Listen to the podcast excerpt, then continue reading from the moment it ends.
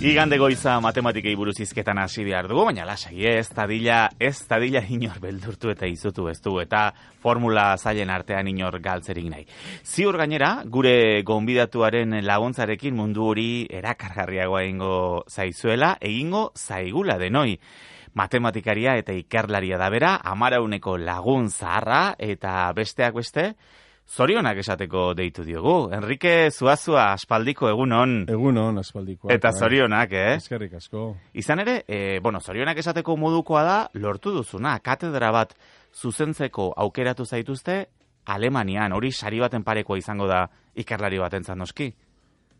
Bueno, kasu honetan eh, Humboldt fundazioaren eh, katedra horietariko bat da, ez? Eh, Humboldt eza, abizen ezaguna da hemen Euskal Herria. Bai. Ez? Danok ezagutzen dugu, ba, Wilhelm, Wil, Wilhelm uh, Humboldt, anai mm nagusia zen, eta bera linguista hemen Euskal Herrian eh, pare bat aldiz egon zan, eta uh, di Baskez, eh, di Baskez, eh, los Baskos, eh, Euskaldunak liburua idatzi zuen, ja garaian Wilhelmek esan zuen, eh? bai, bai herri bitxia, daukaten eh, hizkuntza bereziarekin, Gero herrialde bakoitzean bere herrialdearen izenarekin ezegun arazten dira, ez? Bizkaitarrak, Arabarrak, Gipuzkoarrak oraindik ez daukate nazio baten e, nozio eta eraikuntza, ez? Eta gero e, fun, Humboldt Fundazioak hartu zuen anai txikiaren izena, Alexander von Humboldt, Alexander naturalista, ba oso famatua izan zen, e, Mexikon, Venezuelan, Perun aritutakoa, antropologoa, naturalista, ozeanografoa, danetik vulkanologoa, astronomoa, eta, eta beran izena darama adibidez, ba, hango peruko korronteak, ez? E, Humboldt e, itxaslasterrak, ero peruko itxaslasterrak, bera konturatu zan, bera jabetu zan nola Pasifikoan sortzen diren e, sekulako, ez, e, ba, rotazioak, e, ur, hotzen eta eta beroen arteko nahasketak mm. e, eragina, ez? Bai, orduan, Humboldt bekalortu duzu, eta ez diaz oraindik erantzun, alegia sari baten parekoa hote den zuretzat hau? Bueno, e, izatez Humboldt Fundazioak, e, Alemaniako ministerioak, ero gobernu federalak sortu zuen, ba, pixka bat da hori da, beraien Cervantes institutua bezala, pixka bat, ba, Alemaniako jakintzu, jakinduria, ba, pixka bat mundu mailan jartzeko, kanpotarrak Alemaniara erakarriz eta alemanak kanporaz bidaliz, ez? Eta orduan programa asko dituzte, gazte gazteen dako ere bai, doktora utxako tesiak egiteko, edo postdokak egiteko, eta gero badaukate hor maila gorenean e, programa bat e, Humboldt katedrena, ez? Eta orduan aukeratzen dituzte urtean amar bat edo ikerlari mundu mailan, e, Alemaniara eraman, eta han katedra bat e, garatzeko, hango unibertsitate baten, katedra bat garatzeko, ez? Mm eskaera Alemaniako unibertsitateak egin behar du, ez du norberak egiten, baizik eta beraien kontua da, noski nola bait ba, norberaren onesmenarekin, ez? Gustora, orduan. Bai, alde hortatik, e, e, bueno, zientzilaria gara, eta eta matematikari bezala oinarrizko zientzilaria gara, naiz eta nere arloa matematika aplikatua bezala e, deritzon, Azkenean egiten duguna da matematikako metodoak, ereduak eh, sortu eta garatu.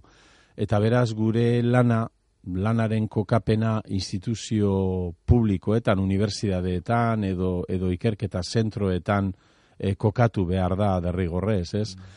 Orduan horretarako babesa behar dugu, ez? E, finanziazioa behar dugu, gure postua eta gure taldea ba, mantentzeko. Mantentzeko eta lan horiek Eta, eta kasu honetan, ba hori, ez, ba, Humboldt Fundazioa jartzen ditu irukoma milioi euro, e, diru hori noski unibertsiadera doa, gero unibertsiadeak ba hor bere baliabideekin eta gehitzen du, eta bueno, ba horrekin ba katedra erozentro bat sortzen da, eta kasu honetan ba unibertsiadea Friedrich Alexander University da, Erlangen Nuremberg hirien artean dagoena, Erlangen hor dago, Munich eta Frankfurten artean, ez, Bavarian, eta Erlangen hiri horretan ba hor dira adibidez Siemens edo Adidas eh, enpresak handaudak handaukate eta orduan bueno ba, leku nahiko intelektualki eta teknologikoki oso txoko dinamikoa da, ez? Mm Pizka bat Euskal Herria bezala, baina lauagoa. Berehala jarraituko dugu Enrique zurekin, baina eh emaizki guzu gonbidatu buruzko zertzela da batzuk nahi urreaga. Eibartarra da Enrique, berrogeita amazazpi urte ditu, Euskal Herriko Unibertsitatean lizentziatu zen matematika zientzietan eta ondoren Parisen egin zituen doktorego ikasketak. Pierre Marie Curie Unibertsitatean doktoratu eta hogeita zortzi urterako matematika aplikatuko katedraraduna zen Madrilen. 2008an Euskal Herrian Basque Center for Applied Mathematics zentroa sortu zuen. Matematika aplikatua da bere esparrua eta matematikek gure industria, ikerketa eta garapen sarean izan ditzaketen aplikazioak jorratzen ditu batez ere bere ikerketatan. Munduko hainbat ikerlarirekin egin du lan eta sariak ere jasotakoa da 2006an ikerketako Euskadi saria eta 2007an Espainiako Julio Rey Pastor ikerketa sari nazionala. Honela irakurri diogu Enrikeri bere webgunean munduan zehar matematikaren bidetik. Eta bidai horretan, ba, esan dugun moduan, da kontatzen ari garen moduan, Alemania izango duzu, Enrique, e, urrengo geralekua, ospean duko Humboldt Fundazioaren eskutik. E, esan duzu, Erlango Unibertsitateak egin duela zure aldeko apustu hori, e, zeintzu dira e, emendik aurrerako urratsak? Ze, zeintzu dira urrengo urratsak? Bueno, egia esan, e, ondo diosun moduan, ez da erabaki, oraindik erabaki betirakoa ez da ez da hartu, ze azkenean Humboldt Fundazioak aukeratu egiten zaitu, ez? Orduan hor txartel bat ematen dio unibertsitateari, baina gero unibertsitateak txartel horrekin ba, gurekin hitz egin behar du eta nolabait ba, baldintza horiek ziurtatu non gu ba, arantza joateko erabakia hartuko dugun, ez? Eta hori ez da bakarrik erabaki personala, familiarena ere ere bada eta, ez? Beraz, negozio, ba, gauza bada zu mugitzea, ara eta ba. han ikerketa egite. Ba. Hori, hori bakarrik negoziatzen da, edo ikerketarekin zer gutxi eguten detaileak ere negoziazio horretan sartzen dira? bai, gauza neko bitxia da, ze hemen Espainian horrelako horik ez da existitzen, ez? Ba, gure, gure munduan, ba, plaza bat ateratzen da, ez plaza deritzo, ez? Ba, ba, nola bait, ba, betirako ez lanpostu bat edo irakasle ero ikerlari bezala unibertsitatean, maila baten ero bestean, ba, jenteak plaza deitzen dio, mi plaza esaten du, ez? Zeia ez da inoiz hortik mugiduko eta e, eta anostera, ba, negoziatu egiten dute, nik ba, kide bati galdetu nion da, zer da negoziatzen duzuena, ba, hemen irakasle batek, eta bai, bai, bai, hori presidentearekin egiten da, baina presidentea, bueno, rektorea da, ez? Da, da esan zidaten hor, itzegin beharko duzu, e, metro karratuak soldata eta jendea uste dut esan zidan horrek hiru parametro horiek, ez? Mm Bai, hau, e, zientzia munduan, ba, hemen ez, zeuk esan duzun moduan agian, baina zientzia munduan oso gauza normala da, ez da, negoziazio hau, zan ekipoa negoziatzea, hainbeste diru daukazu eta zeuk ikusi gero nola gastatzen duzun diru hori, zeure kontu, horrelako, horrelako gauzak, ez da? Bueno, azken batean profesionalak gara, ez, eta orduan, egiten dugunari, ba, nahi dozun balioa esarri aldiozu, zerotik amarrera, nahi beste, ez? E, batzurentzat izango da, bueno, hemen matematikariak ordaintzeko ez gaude. E, beste batzuk esango dute, bai, bai, oso funtsesko zientzia da, eta hemen behar ditugu. Eta batzuk esango dute, bueno, matematikariak bai, aplikatuak baldin badire, igual puruak ez, bueno, erosen kasutan hor, ba, hemen Humboldt Fundazioak esan du, bueno, hau, eta bere taldea nahi dugu, Alemania nahi dugu, eta Unibertsiade honek badu, asmoa, beraiei txoko bat egiteko, baina, klaro, oin ikusi behar da ber txokoa proposa den, ez? Mhm. Eta ea baliabide nahikoa dauden, ba, eskatzen dana egiteko, ez? Eta hor, ba, baita ere, ez da bakarrik, e, diru kontu bat, ero baliabide kontu bat, baizik eta nik esango nuke, garrantzizkoena da, ba, nere, ba, izandako beste esperientzien arabera ere, e, ze espektatiba dauden aldebietatik, zer nolako proiektua garatu alden, zer nolako dimensio eman zai, nahi zaion, zer nolako e, arrakasta edo edo oi hartzuna bertan irian, unibertsitatean, mundu mailan eta abar, ez? E, batzutan gertatzen da, ba, ba, bueno, ba, proiektuak e, zientzilaria bultzatutako proiektuak ez direla ez direla heltzen e, eskatzen den e, gailurrerainok eta beste batzutan ordea ba, pasa egiten dire eta, eta, eta askotan pasatzea ere ba ez da ona izaten ez gero sistema bertako sistemak dituen oreken e, arabera, ez? Baina kasu honetan ematen du, ba, ba hori, lehen esaten nuena, ez? Unibertsidadea, ez da bakarrikan unibertsidadean, badaukate Fraunhofer Institutoa, bat, zentro teknologiko oso, oso ezaguna, ez? E, gero badago baita ere Max Planck eh, Institutoa, fizikan, gero badaude enpresa handiak, Siemens, Adidas, bezalakoak, eta karo, guk eh, identifikatzen dugu, ba, ez dakit, ba, ba, Siemens, ba, igual, etxeko garbi, garbigailuarekin, ez? Baina gaur egun garatzen duten eh, teknologia, muturreko teknologia, baskotan ba, medikuntzara orientatuta dago, ez? Ba, bueno, guzti egiten diguten horrek tak eta tik eta guzti horiek, ez? Ospitxalean, gaur egun sekulako teknologia, ez? E, puntakoa erabili behar du, Orduan hor sortzen da mikrokosmos horretan nik uste nahiko espazioa dago, ez, e, eibartar e, gazte sentitzen den, baina ez den e, eibartar batek oraindik bere lana garatu desan. Eta eibartar hau zerkerak hartzen du gehien Alemaniako erronka horretatik, Enrique? Ba, e, egonkortasunak eta eta baliabideak, hau da, lana egiten jarraitzeko aukera, besterik gabe. Osea, ez da, ez da, ez da, aragoaz, e, amar mila aukeren artean aukeratuz, ez, e, kasik da daukagun aukera bakarra, ez, orduan, ni Madriden katedra duna nahi, duela, ba, hogeta sortzi urte direla, ez, laro eta marretik, eta, bueno, ba, ba han oso, oso gustora nago, hango unibertsitatean, momentu honetan, e, parteka nago, ez? Part-time edo, ez? E, tiempo partziala ez da, denpora partziala hau da, ba, ematen dut ikastaro bat udabarrian, eta baina, baina azken urte hauetan bizi izan dugun krisialdia dela, eta ba, ez da ikustenan gauzak asko aldatuko direnik urrengo urteetan, ez? Eta azken batean baia hogeta sortzi urtean eman ditut, ez? Onenak seguruenik e, gainera euren artean.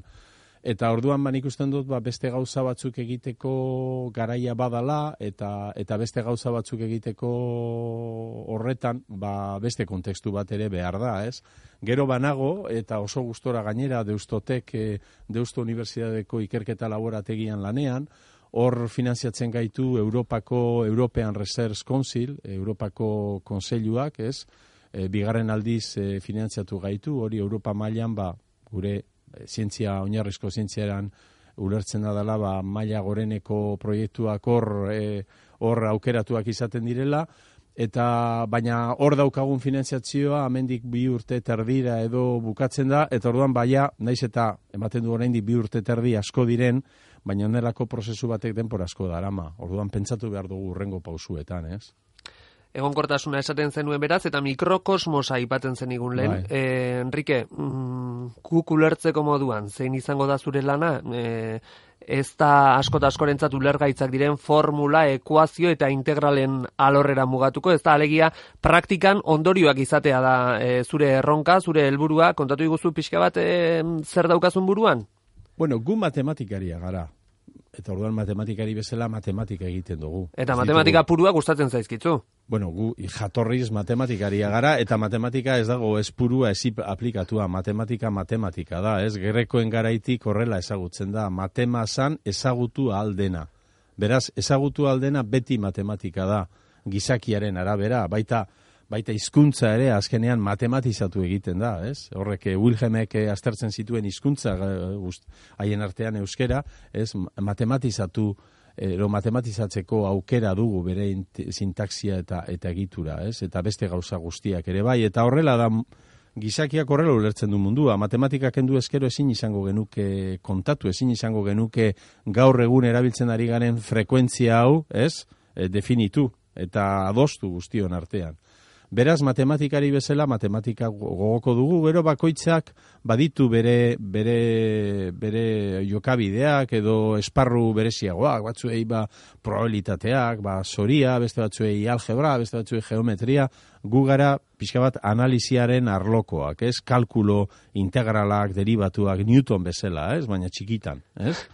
E, ne beste, tantantxo bat, Newtonen e, tantantxo bat. Orduan, guk erabiltzen egiten dugun matematika e, erabiltzen da gaur egun ingurunean ditugun e, prozesuak, hau da naturan ero industrian ero teknologian, e, batzutan teknologi hori ikusten ez dena ere izan alda, adibidez interneten e, egitura, ez? ez da ikusten, baina denok dakigu hor sare bat e, atzean dagoela, ez?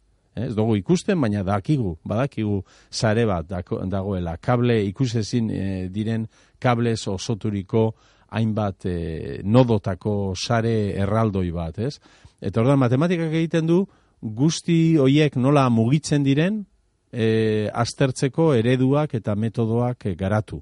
Eta horren ondoren ordenagailuan den hizkuntzara hoiek itzuli. Hau da, guk egiten ditugun formulak ordenagailuak ez ditu zuzen zuzenean e, ulertzen, baina programazio informatikoaren bidez hori ordenagailuari ulertarazi aldiogu. Eta horrek zertarako balio du, ba, bueno, ba, ordenagailua dalako gaur egun e, ba, bueno, laborategirik e, onena eta gutxien kutsatzen duena. Ez? Kalkulu erraldoiak, gizaki batentzat ezinezkoak izango liratekenak ordenagailuari usten diogu eta guk lo egiten dugun bitartean, ez? Bateri esan eskero, bera joaten da horrek egiten.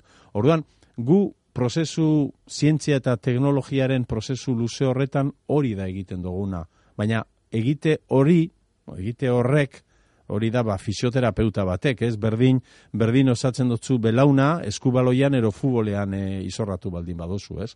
Ba, gu berdin, guk egiten duguna da hori txertatu e, egokia zuertatzen den prozesuetan. Orduan, ba, nahiko polivalentea gara alde hortatik. Orduan, egin aldogu lan, ba, ospitaleko medikuekin, ero, ero egin aldugu lan, ba, ez dakit, ba, ba, oizko industriako, ba, industria gilero teknologoek. Esparru zabala ordu. Hori da. Pare, eta ibartarra izateak noski... E...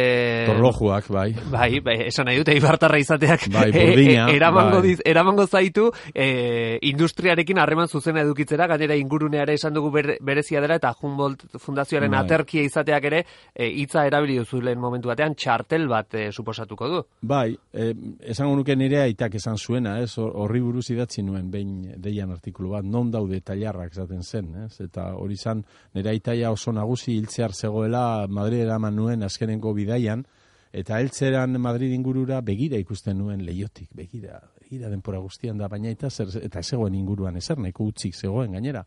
E, garaian ez zeuden eraikin askorik, eta galdetu nion, zer, zeren bila zabiza itxada esan zidan, non daude tailarrak, ez? Orduan eibartarrak beti joten du tailarra dauden lekura. Hori berezkoa duzu. Bai.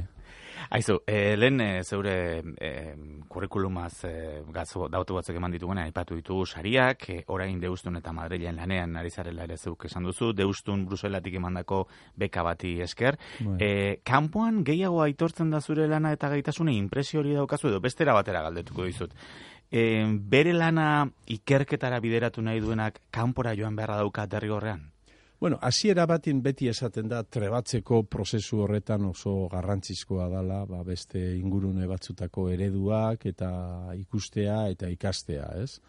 E, bueno, ni Parisen egon nintzen, Euskal Jarlaritzaren e, beka bati esker, ez? Larogeta lauean ja ordurako Euskal Jarlaritza martxan zegoen, eta bere eskuntza departamentuko ero saileko lehengo programak ja, bueno, ba, ja urte batzuk zaramaten, eta nik izan nuen ba sorte hori, ez? E, garaian beka beka zen, ez egoen kontraturik, e, bueno, papeltxo bat zen, eta gero, e, bueno, handi bueltatzean, edo diru ematen zizuten, ez negoratzen oso ondo nahiko informala zen dena, baina hiru urteko beka izan nuen, eta beka horri esker, Parisen lehengo hiru urteak egiteko aukera izan nuen, ez? Eta orain Sorbon University deitzen dena, ero Sorbona Universidadea fusionatu direlako oizko Sorbona, ez? Humanitateetan eta letretatko unibertsitatea, eta Pierre Marie Curie lehen aipatu dozun e, zientzietako unibertsitatea, ez?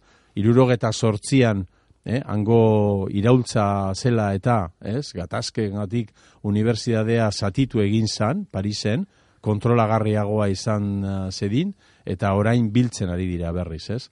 Eta orduan, bueno, ibilbide hori guztiz importantea da. E, gero bai, heldutakoan normalean pentsatzen da etxera bueltatzeko garaia dela eta bertan txertatzeko norberak dakiena eta eta eta egin alduena bere herrian txertatzeko garaia dela, ez? Eta nik aukera hori izan nuen 2000 2008an, ez? Ibarretxe zegoen garaian gobernuan, Tontzu Kampo Zailburu, garaian bultzatu zituzten ikerbazke eta ikerketa zentro berriak eta nik ne, ba, ba hori lau urtez ba, sekulako orea izan nuen ba, Bilbon ikusten dut mundu mailan eta Europa mailan oso erreferente benetan berezia dena e, e, sortzeko eta eta gauzatzeko, ez? Ba, Euskal Herrian e, Espainia mailan, ba, Euskal Herrian e, Zebero Otsoa eselentzia labela izan zuen lehenengo zentroa. Naiz eta lau ero bost urte bakarrik izan, ba, beste asko baino lehenago izan genuen e, Bilbon Bizkaian, ez? Eta orduan, bueno, txantzetan pixka bat esan alda, baina orain Bilbok badauka hiru gauza erakusteko. Bata da Aleti futbol taldea, bestea da Guggenheim, eta hirugarrena Beckham da, ez? Basque Eh, Center for Applied Bai, Mathematics esan hori, hori da, hor da, jenteak ordu, mazarredo kalean, nahi duenean pasatu, horre e, dana den dena, ba hori, mimo asko egin gendun. Koloreak, e, letrak dena, e, e, Bernardo Atxagaren e, poema baten e, leloa darama, ez? E, matematika mugaz bestalde. E, Atxagaren poema famatuaren hildotik e, jarraituz, e, e, Atxagak idazten duen poema da, e, zelan da, mugaz bestaldeko lagunari egiten diodan e, hogeta mazazpi galdera, edo Bai. ba, ez? Mhm. Eta bata da, eta niri gehien gustatzen zaidana da, ez dakit zuek erantzuna izango no zuen, ea e, arrain abiz, abizalek baduten, ote duten e, eguzkiaren aurre sentipenik. Erantzuna ez daukat, nik galdera badaukat esan duzunari lotuta, Osea, Enrique. zuek beti galdute, osea, ezin guk erantzun inoiz. egin. erantzun ditzakegu, gertatzen garena asko zer erosoago sentitzen garela galderak egiten, hori hori erakutsi ziguten. Bai, eta Enrikek esan duenarekin garbi geratzen da, Enrique, herri txikiek ere apustu handiak egin ditzaketela, gureak. Ah, bai, noski. Gure, gure herria txikia da, baina ikerketa Bueno. arloan eta zientzia arloan apustu handiak egin ditzakegu. Begira, txikiero haundi, eta hori matematikan ikasten da, hori da dirakek esan zuen, ez? Dirakek esan zuen diraken delta. Diraken delta da puntu baten masa e, infinitua jar, jartzen duen neurria ero funtzio. Hau da, infinitua zuk espailatu egin aldozu, zabaldu, eh? ero konzentratu. Eta beraz, herriaren tamainak ez dauka zerikusirik. Da, herriaren gogoa, amorroa eta asmoa baino. Hori futbol taldeak ere zuen herriko futbol taldeak ere erakusten du, ezta? Ba bai, eta eta beste, bueno, futbol beste talde batzuk ere bai, ba, ba bueno, ba, ba atletikak egiten duen apostua bertako jokalariekin jokatzeko. Gero batzuk esango dute ez da ona edo beste modu baten egin beharko litzateke, baina apostu berezi bada eta berezi bezala ba rekonozidu behar da, ez? Hori da diraken delta futbolean, ba hori Atleti Bilbao da. Eta beste bat bai Barnoski baietz, ez? Beste eredu batekin, baina hogeta mazazpiero, hogeta zazpi mila lagun bizi diren herrialde baten, badaukagu, ba hor mundu mailan ezaguna den e, futbol taldea. Orainik lehen esan behar nuen Bilbotarra ero nintzala, edo, edo, edo Madrilan egiten nuena e, je- jentea kokatzeko mapan, baina on ja Ibartarra zarela esanik, ba listo dago, ze karo, dauga, ez dakit, amargarren ero dago, ba, mundu mailan milaka milioi lagunek astebururo ikusten duten futbol e, talde hoietako baten sedea delako, ez? Eso, eta zientziaren partidan, joku zelai horretan, gauzak ondo egiten ari gara, e, galbae asko dauzkagu, asko daukagu oraindik ere beste eredu batzutaz ikasteko, batzutatik ikasteko, nola, nola ikusten duzu? Nik usten dut, e, amen oso ondo dakizkigula ereduak zeintzu diren eta gauzak nola, nola egiten diren eta nola egin behar diren eta zer nola eginek zer nolako amaitzak e, ateratzen diren. Gertatzen dana da, eta hori da, bueno, ba, pixka bat Espainian gertatzen dena denpora guztian, eta horretan Euskaldunak oso espainola gara, e, bueno, ba, ba, interesak aldat, aldakorrak direla, ez? Eta orduan, bueno, baten esaten da, ba, postua dela zientzian, eta urrengoa esaten da, ba, bueno, ja, ba, zientziarako ez dagoela dirurik, eta urrengoa postua izango da, ba, dakit, ba, errepideak, ez? Baina, orduan, egonkortasun gutxi dago, ez? Espainiako zientzian, eta barne, ba, euskal zientzian, ez? Euskal zientzia beratzagoa da, Espainia, Espainiakoa baino, ze diru gehiago daukagu eta jartzen dugu, baina, baina bueno, ba, egon, desengortasun hori hor dago, ez? Eta hori azkenean e, zientzileriak usatu egiten ditu, ze, karo, mm, ba, txerta dezakezu zure bizi guztiko lan bat, ez? Hogeta bosturteko lana txerta dezakezu txoko baten, sortzen dozu zerbait berezia, eta azkenean, ba, ba, bueno, zure burua kanpoan ikusten dozu, ez? Etxeko jende asko dago kanpoan? Bai, bai, Asko bai, dago. bai, asko dago. Eta nik horretan begira, ez da, ez da nigatik, eh? nik izan du nire amarruteko amen, amen ibilbidea, e, gainera ITB ondoan bizi izateko aukera izan dut, osea, que beraz hona etortzeko primeran, ez? Bizilagunak, ezta? Izan Bizi gara lagunak orduan. izan gara, ez? E, orduan nere, nere, nere tartetxoa amarrutekoa gainera ez da gutxi, ez? Ez, e, gizaki zen bat urte bizi izaten gara, egun dago gehi, egun dago eta mar, gehi jota, ez? Ba, bueno, eh?